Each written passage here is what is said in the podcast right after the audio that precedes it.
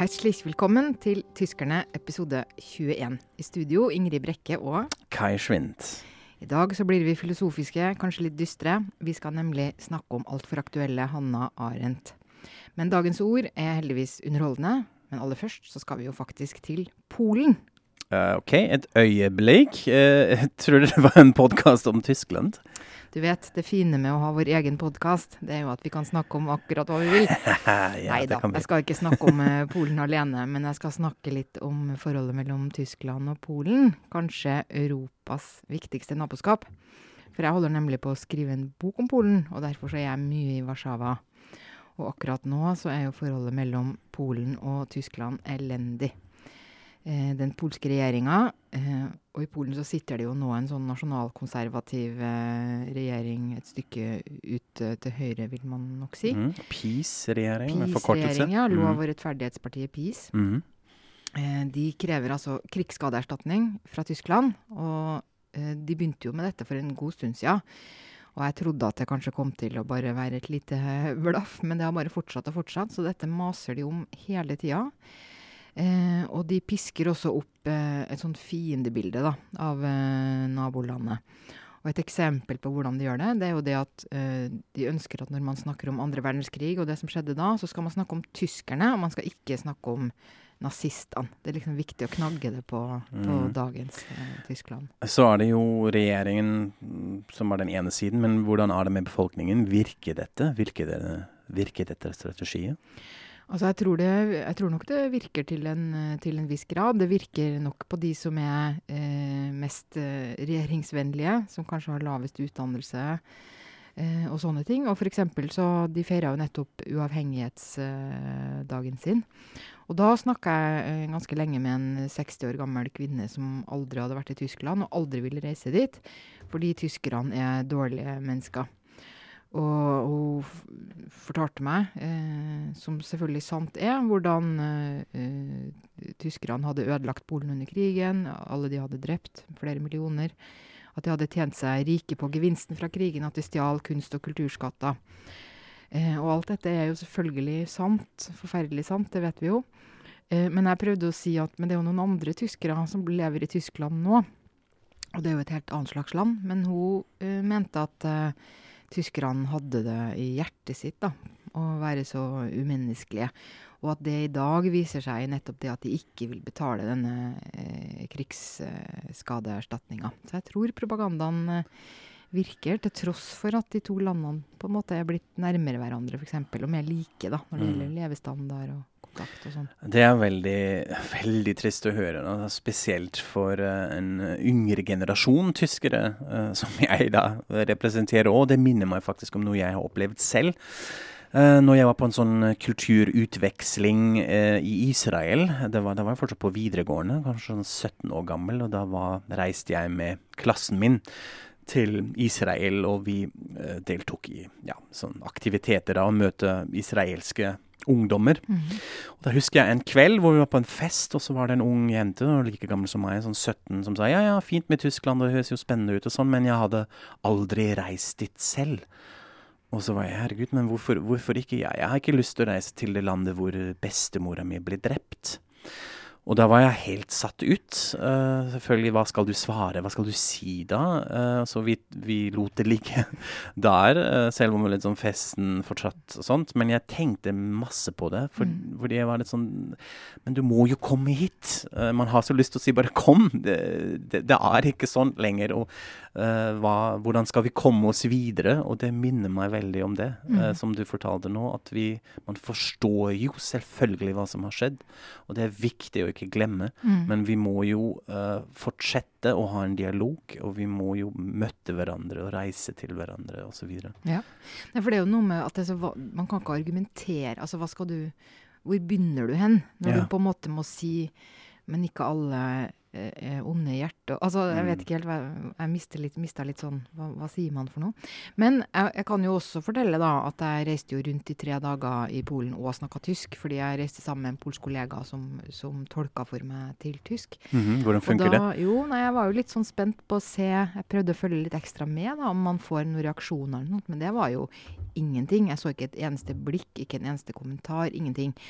Så hvis jeg skal dømme etter mine opplevelser som litt sånn tysk i Polen, da, så vil jeg jo si at det er helt ukomplisert. Og det er selvfølgelig masse tyskere som er der som turister og alt mulig. Sånn at eh, dette går nok relativt uh, greit. Og Det kan jeg også bekrefte. Jeg var jo i Krakow noen år siden uh, og var også veldig spent på det der. Og det mest uh, fungerte jo på engelsk. men det var faktisk veldig mange som da spurte ja, hvor, hvor er dere fra? Ah, ja, fra Tyskland. Og så kunne de litt tysk.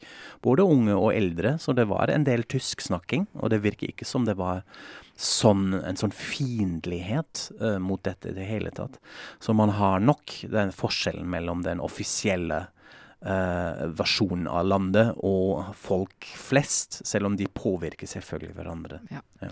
Nei, det vil jeg tro, altså. At, eh, at uh, de fleste har jo personlige bånd etter hvert, og man har alle eh, mulige sånne store forsoningsprosesser som har pågått ganske lenge. Og, og i, kanskje litt sånn mm, videreføring av en sånn forsoningsprosess, det er jo eh, noe som skjedde mellom Polen og Tyskland eh, mens jeg var der nå, altså for en drøy uke siden. Så hadde de såkalte regjeringskonsultasjoner. Og det er en sånn spesiell møteform som jeg bare jeg vet ikke om noen andre som driver med det, men Tyskland gjør det med de landene som er spesielt viktige for dem. Mm. Og en regjeringskonsultasjon det er at man sender da kansleren og deler av regjeringa, altså en svær delegasjon, til et annet land, hvor man har en masse sånn parallelle eh, møter. Altså sånn to regjeringer smelter sammen for en stund og liksom utveksler eh, på mm. masse nivåer. Og det hadde man da med Polen. Det er eh, Israel er sikkert også med i de, i de landene også. Det, ja. Fordi det har jeg hørt om at de reiste dit. Ja, mhm. Israel er en av de landene de har mhm. sånne konsultasjoner med. Men mm. Polen, altså når det gjelder hyppighet, så, så, møtes de oftere med Polen enn med Israel. Mm -hmm. Og aller oftest så møtes de med Frankrike. Ja, så det sier jo noe om naboforhold, da. Og så mhm. er det Italia, Spania, Russland, Polen på femteplass, da, hvis man skal måle dette i en slags sånn ranking, hva som er viktig for Tyskland så ligger tross alt eh, Polen ganske så høyt der oppe. Eh, sånn at det vil jeg si er et slags tegn på hvor høyt det har vært prioritert. Og ikke mm. minst så har, jo, har, jo, forholdet til Polen vært veldig høyt eh, prioritert av Angela Merkel. Og det eh, blir jo interessant å se. Eh, eller kanskje ikke så interessant, for jeg tror at det blir ganske tydelig at uansett nesten hvem som følger etter henne som kansler, så dabber interessen for og tålmodigheten med Polen eh, av nå. Fordi at det har vært behov for mye tålmodighet pga. den retorikken som den polske regjeringa driver. da, Så skal man jobbe litt for å orke å være eh, gode naboer. Eh, eh og ja, nei, det blir veldig spennende å se hvordan dette eh, går fremover. Og, og så er det også noe med at eh, regjeringsnivå er ett sånn politisk nivå. Men man kan også se på dette naboskapet på, de, på et sånt lokalpolitisk nivå. Og det er jo, syns jeg jo Jeg har reist mye langs denne polsk-tyske grensa opp gjennom ja. årene, fordi det er en sånn fascinerende annerledes ikke-organisk grense. Um, etter krigen så ble jo Polen rykka uh, vestover. Uh, og så ble jo polakker tvangsflytta eh, fra det som hadde vært Ukraina, til det som da eh, hadde vært tysk. Og så ble den tyske minoriteten fordrevet ut og, og, vestover. Sånn at på begge sider av grensa så endte du med folk som ikke hadde noen røtter der. Mm, ja. Og som delvis bodde der litt motvillig. Og så var jo grensa stengt i masse masse år, og så blir den åpna igjen etter eh, kommunismens fall. Og så skal man liksom begynne å snakke sammen, da. Og det er veldig krøkkete. Og særlig fordi den gikk tvers gjennom Den stengte grensa gikk jo tvers gjennom byer, da. Eh, F.eks. Frankfurt an der Råder er en sånn halv, halv by. Eh, Görlitz er en annen sånn halv by. Og der har jeg forstått at eh, naboskapet som holdt på å bli veldig bra, det går nå tilbake igjen og blir dårligere. Fordi det ikke er politisk eh, vilje fra toppen. Og Det er jo veldig synd. For eksempel hadde man jo i, i Frankfurt an der Ode uh, et universitet, altså et sånn bispråklig uh, universitet, uh, hvor også Anette Chavan, altså en, en kjent Merkels venninne Merkels og fortrolige. Ja. Ja. eh, SPD-politiker, hun. Eller nei, hun Nei, er nei, CDU. Ja, Hun er CDU, ja. Utdanningsminister. Riktig, det, det var hun.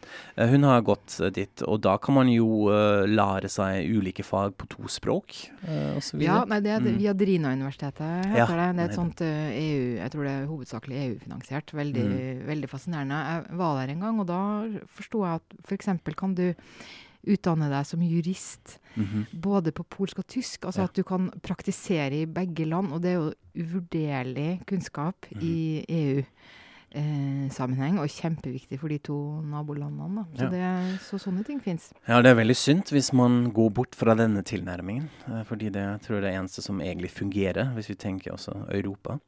Men hvordan er det å være polsk i Tyskland, vil du si, i dag? Det er jo litt sånn det andre spørsmålet. Ja. Nei, altså jeg, jeg snakka nettopp med en polsk eh, relativt ung eh, kvinne på sånn ja, kanskje 28 eller noe. Og hun fortalte at når hun var i Berlin, så prøvde hun å unngå å snakke polsk sånn høyt på gata, fordi hun var redd for at eh, eh, hun skulle bli liksom tenkt stygt om. Fordi man kan jo se litt at det er eh, Det kommer også polske uteliggere, litt sånn forfylla eh, folk, fattige, altså sånne type ting, da. Eh, men jeg tenkte at når hun sa det, tenkte jeg at dette er helt misforstått. For, for sånn tror jeg faktisk ikke det er, og i hvert fall ikke Berlin. Og det er jo noe med at Berlin har blitt en sånn eh, nesten eksilby for eh, folk fra unge, unge hippe, liberale, velutdanna, kule folk fra mange land. Altså polakker, ungarere, eh, russere, ukrainere, bulgarere. Altså folk som kommer også fordi de ikke orker eh, systemene i sine egne land, eller fordi at de vil eh, delta i en li mer fremskrittsvennlig verden, ikke vet jeg. Eh, og at det fins utdanningsmuligheter og alt mulig sånt. Og, og det fins masse sånne kule miljøer i Berlin, og det tror jeg heller eh, er assosiasjonene, da. Ja, og det er ab absolutt enig i. Det er også min oppfatning av Berlin. Og da har vi faktisk en sånn forskjell mellom Øst-Tyskland eller Berlin og resten av Tyskland. Fordi dette er litt annerledes i Vest-Tyskland, vil jeg si. Hvor man fortsatt er preget av en viss stigma mot innvandrere fra Øst-Europa, og det er også Polen. Det finnes et sånn eh, stigma om polakker som stjeler biler. Eh, det var nesten ja, en sånn humorbølge, husker jeg, på 80- og 90-tallet, med sånn polakkvitser som eh, gikk utover det, ja, at de stjeler ting.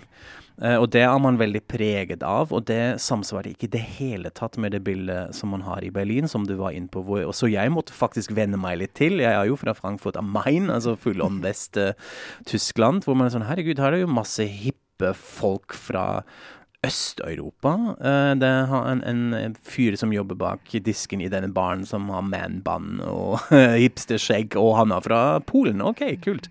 Eh, så det er noe helt annet. Eh, og da har man kanskje en forskjell, og det håper jeg egentlig er noe som sprer litt mer. Ja, jeg må jo bare fortelle, det er et sånt miljø som jeg håper jeg skal få utforska litt mer fremover nå, da. Men i Berlin har man jo også en, en egen eh, klubb som heter eh, Klubb de Polnische Fasaga, altså De polske tapernes klubb. Og den har vært i mange, mange år, og det er sånne nettopp hippe, kule folk som bare dro til Berlin for jeg vet ikke, 20 år siden eller noe sånt. Starta dette stedet, da, som, hvor det er både det er musikk og sceneshow og utekveld, altså vanlig bar, alt mulig sånt. Eh, de viser filmer, så det er litt sånn type kulturformidling og sånn. Ja. Og nå har de også starta et politisk parti som heter eh, Det polske parti. Og det er også sånn herlig i grenselandet mellom alvor og satire. Um, hvor de både har litt sånn politiske foredrag, men de gjør også mye narr eh, av eh, ja, kanskje seg selv mest, da. Ja. Eh, men prøver også å formidle delvis hva som egentlig foregår i deres eget land. Og sånn. Mm. Veldig morsomt, eh, annerledes måte å gjøre det på. Ja. Og jo mer dogmatisk det blir på den offisielle siden, jo mer trenger vi jo kanskje nettopp disse subkulturer som kommer med en annen tilnærming. Så det høres veldig gøy ut, det må vi følge med. Det skal vi. Og nå skal vi altså over i det filosofiske hjørnet. For du Kai, du ville jo gjerne snakke om Hanna Arendt den gangen her. Eh, og hvem er Hanna Arendt, og hvorfor eh, ville du snakke om henne nå? ja. For det første har jeg selv oppdaget Hanne Arendt i forbindelse med min egen forskning, egentlig, noen år siden. Uh, og har blitt veldig fascinert av måten hun skriver, og også selvfølgelig hva hun skriver om. Men akkurat nå blir jeg påminnet om henne igjen, uh, fordi det har kommet en norsk nyoversettelse uh, av noen av Hanne Arendts tekster. boken har tittelen 'Makt og vold', tre essay. Og de har nettopp kommet ut i serien av Kapellens upopulære skrifter, som jeg syns er en sånn fantastisk bokserie. At man ikke prøver å legge skjul på engang. Dette her er vanskelig, tunge ting som skal leses, og må leses, og burde leses. Eh, og det er derfor de er upopulære. Men man prøver å, å jobbe litt mot det, f.eks. med en sånn ny oversettelse, og gjøre de litt mer tilgjengelige og sånn. Og da har det nå også kommet ut, uh, ja, som sagt, tre nye essay av uh, Hanne Arendt. Uh, en som heter Om vold. vold i vår tid, som den het da den først kom ut. Eh, den andre heter Om terror fra 1953. Og så er det den siste som heter Er Amerika et voldelig samfunn? fra 1968. Uh, ja, og bare ved å høre disse titlene, så får man jo kanskje en, en hunch hvorfor dette er relevant igjen. Men hun har vel aldri eh, ikke vært relevant? Ja, altså det er litt en, Jeg har ikke fulgt med sånn hele tida, selvfølgelig, men jeg husker litt sånn på, på 90-tallet uh, at, at, dette var opplevdes som veldig utdatert. Det er jo ikke så mye at man snakker om Hanne Arendt i den tiden. Da var man kanskje veldig preget av denne tidsånden på slutten av 80-tallet. Murens fall. Nå var det slutt uh, med disse to blokk-ideologier uh, mot hverandre. Mange husker jo kanskje veldig sånn kjent essay av en amerikansk eh, statsviter som heter Francis Fukuyama. Uh, med tittelen 'The End of History', altså nå er historien slutt. Alle de store ideologiske konflikter fins ikke lenger. Nå går vi mot en lys og neoliberal kapitalistisk fremtid. Uh, og det var jo ikke det som skjedde.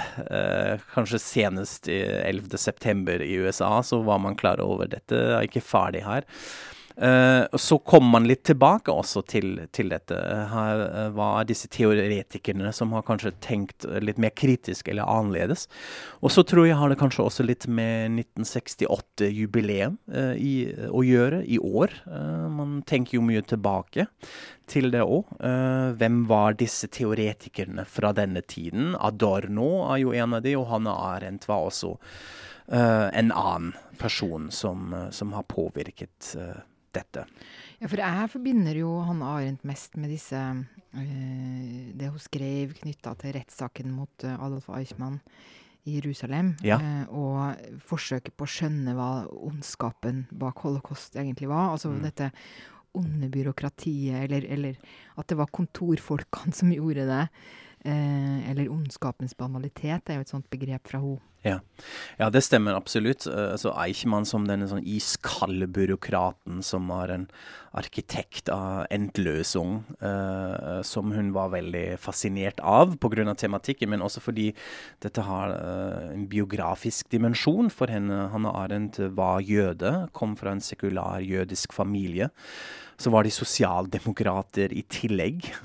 Liksom dobbelt utsatt? dobbelt utsatt uh, på denne tiden. Uh, hun var født i 1906 i Hannover. Og så studerte hun uh, filosofi i Marburg, med bl.a. Martin Heidegger, som hun også hadde et kjærlighetsforhold til. Uh, og dette er jo spesielt uh, tragisk hvis man vet at uh, Heidegger blir jo etter hvert selv en glødende nazist. Altså Han støtter jo Hitler-regimet, mens Hanne Arendt måtte gå i eksil. altså var på den motsatt, motsatt siden. Men visste hun det mens de var sammen, eller ja, skjedde det mens de var sammen? Hun, hun oppdaget det nok, selvfølgelig. Altså, det kom jo frem i, i virke og i arbeid. Mm. sånn. Det ble ikke fullblomstret da de var sammen, men etter hvert uh, gikk det nok utover også, vanlig diskusjon uh, som, som, de pleier å ha. Så dette var veldig tragisk. Også en, en, sak som jeg tror hun var opptatt hele sitt liv, at hun på en måte mista denne mannen. Uh, både som mann, men også til denne ideologien. Uh, så ja, hun, hun, måtte jo i eksil. Først var hun i Paris, og så flyktet hun videre til USA Ja, hun, og det syns jeg også er litt fascinerende, måtte på en måte sånn oppfinne seg selv på nytt. Ja, hun begynte å skrive på engelsk. Det er det. Hun, hun, kunne ikke engelsk antageligvis fra før, bare veldig sånn rudimentar. Og så begynte hun å lære seg engelsk. altså Fikk litt hjelp først med oversettelse av tekster hun har skrevet på tysk, men etter hvert skrev hun også på engelsk. Uh, og dette er uh, veldig interessant, fordi det er en forskjell uh, å lese Arendt på tysk eller på engelsk. Altså når vi går på disse tekstene, hvordan de blir oversett. Fordi hun er vil jeg si, mer presis og detaljert på tysk. Spesielt når man bruker så store begreper, altså teoretiske begreper, og hvordan hun definerer dette og sånn. Hvor engelsk har litt mer sånn ja, blurry, eller bare ikke så konkret. Men disse mm. som blir oversatt nå, da, er det opprinnelig skrevet av dem på tysk eller engelsk? Eh, det er engelske essay, så vidt jeg vet, og det er litt interessant fordi oversetteren er tysk. Uh, en uh, tysk oversetter som har bodd i Norge lenge. Så hun ta, kunne ta med seg begge deler på en måte. Altså oversette disse tekster fra engelsk, men også kunne ta med tysk språklig, idéfilosofisk dimensjon inni dette. Så jeg tror det er derfor spesielt spennende å kanskje lese disse norske uh, versjonene, som, som, kanskje lander litt i midten mellom tysk uh, og engelsk. Så jeg, jeg, tror det er verdt uh, å se litt nærmere på det med et sånt språkperspektiv. Men hvorfor er du nå egentlig så glad i Hanna Arendt, da, ja, jeg og Hanna. ja, jeg er veldig, veldig glad i henne, fordi jeg, altså, jeg syns at hun hun er ikke så selvhøytidelig eh, sammenlignet med andre uh, tenkere og teoretikere fra en tid hvor vi også f.eks. har opptak av Vi kan jo høre på henne i intervju osv. Og, så og måten hun snakker og fremstiller seg selv, og det hun har reflektert over seg selv, er veldig ydmyk. Det syns jeg er veldig fint.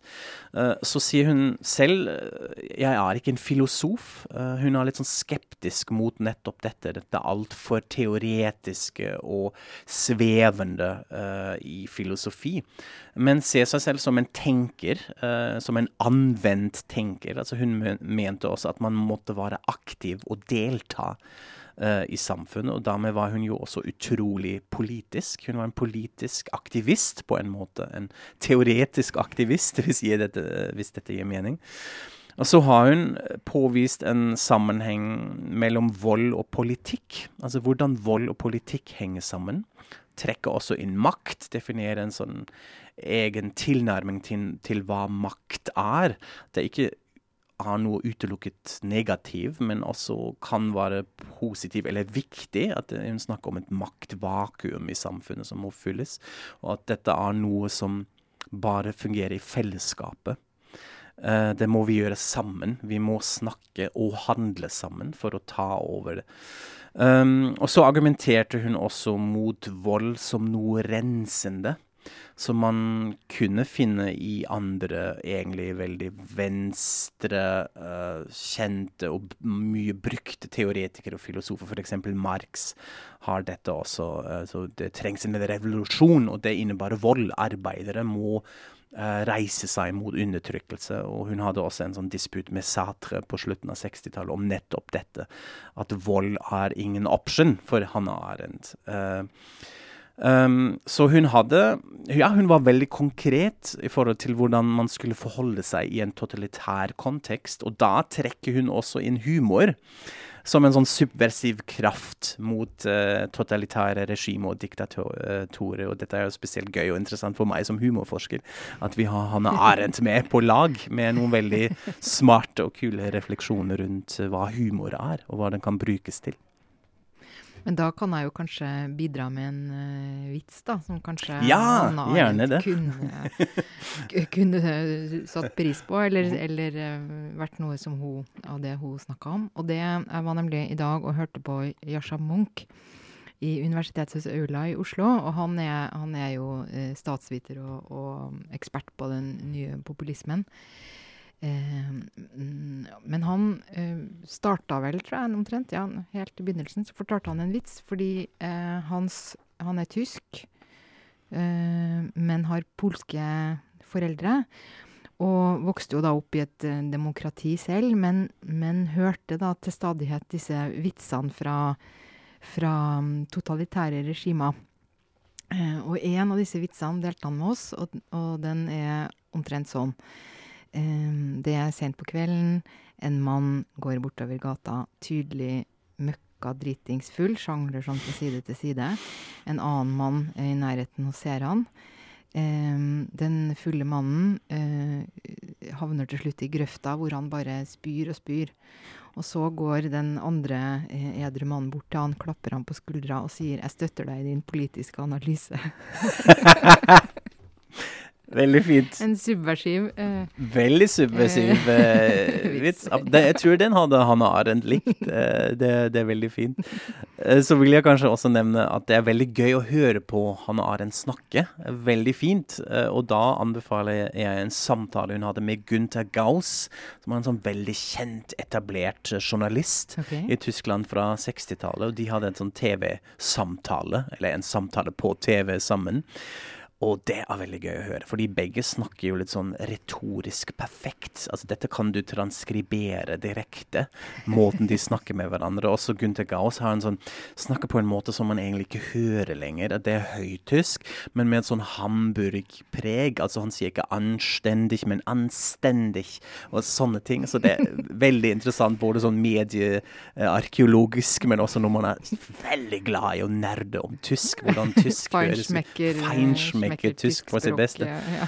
så den må vi lenke til på Facebook-siden vår. En sånn timesamtale. Som også er på en måte veldig tilgjengelig. Den er, også, den er, tekstet på engelsk, hvis man er litt redd at det er for uh, gigantisk tysk. Uh, og da får man et godt inntrykk av hvordan Hanna Arendt tenker, og hvordan hun formidler. Så det er veldig fint å se på. Ja, da skal vi gå over til det vi har lovt skulle være morsomt, men jeg er litt redd for at det kanskje er mest at nå skal vi le av meg. For det er nemlig dagens ord, og det er egentlig to ord. Okay. Eh, og dette har jeg sett som en, delt som en sånn meme på, på Facebook. Mm -hmm. eh, og da står det først på engelsk eh, noe sånt som at uh, You are from Germany when you uh, can pronounce these words. Eller okay. noe sånt. Ja. Mm -hmm. Så nå skal jeg da prøve å pronounce uh, these words. Tsjechisches Streichholzschächtelchen. wow! Men det var jo veldig bra. ja, Men nå er det din tur. Du, må jeg også si det? Ja, du må si det, for du kan det jo. Ja, men jeg kan komme med en liten uh, innvending da. Jeg prøver å si det først. Tsjekkisches Streichholzschächtelchen Herregud! Jeg klarer det! Snubler også. Jeg må si det en gang til. Tsjekkisches Streichholzschächtelchen. Det er nemlig faktisk veldig vanskelig for tyskere òg, spesielt hvis du kommer fra Hessen, som jeg, ja, hvor altså. kombinasjoner av SCH, altså sj og ch, blir fått til tsjekkiske Streichholzschächtelchen, eller noe sånt. og da jeg begynte å jobbe i radio i, i Tyskland og var filmanmelder, hadde jeg no, en av mine første saker som jeg måtte si på lufta, var der tsjekkisk-østerreikiske regissør. Og dette er altså et helvete når det er fra Frankfurt. Så det kunne godt ha vært en sånn lignende test. Ja, veldig fint. Det kan man, kan man prøve å øve om man ja, kan dette. Vi skal legge ut dette memet også, så kan ja, dere fint. bare øve dere alt dere kan. Men da eh, sier vi takk for oss. Og bare eh, lik og del og gi oss stjerner og anmeldelser. Det blir vi kjempetakknemlige for. Og så sier vi bare takk for nå, og auf Wiederhören. Auf Wiederhören.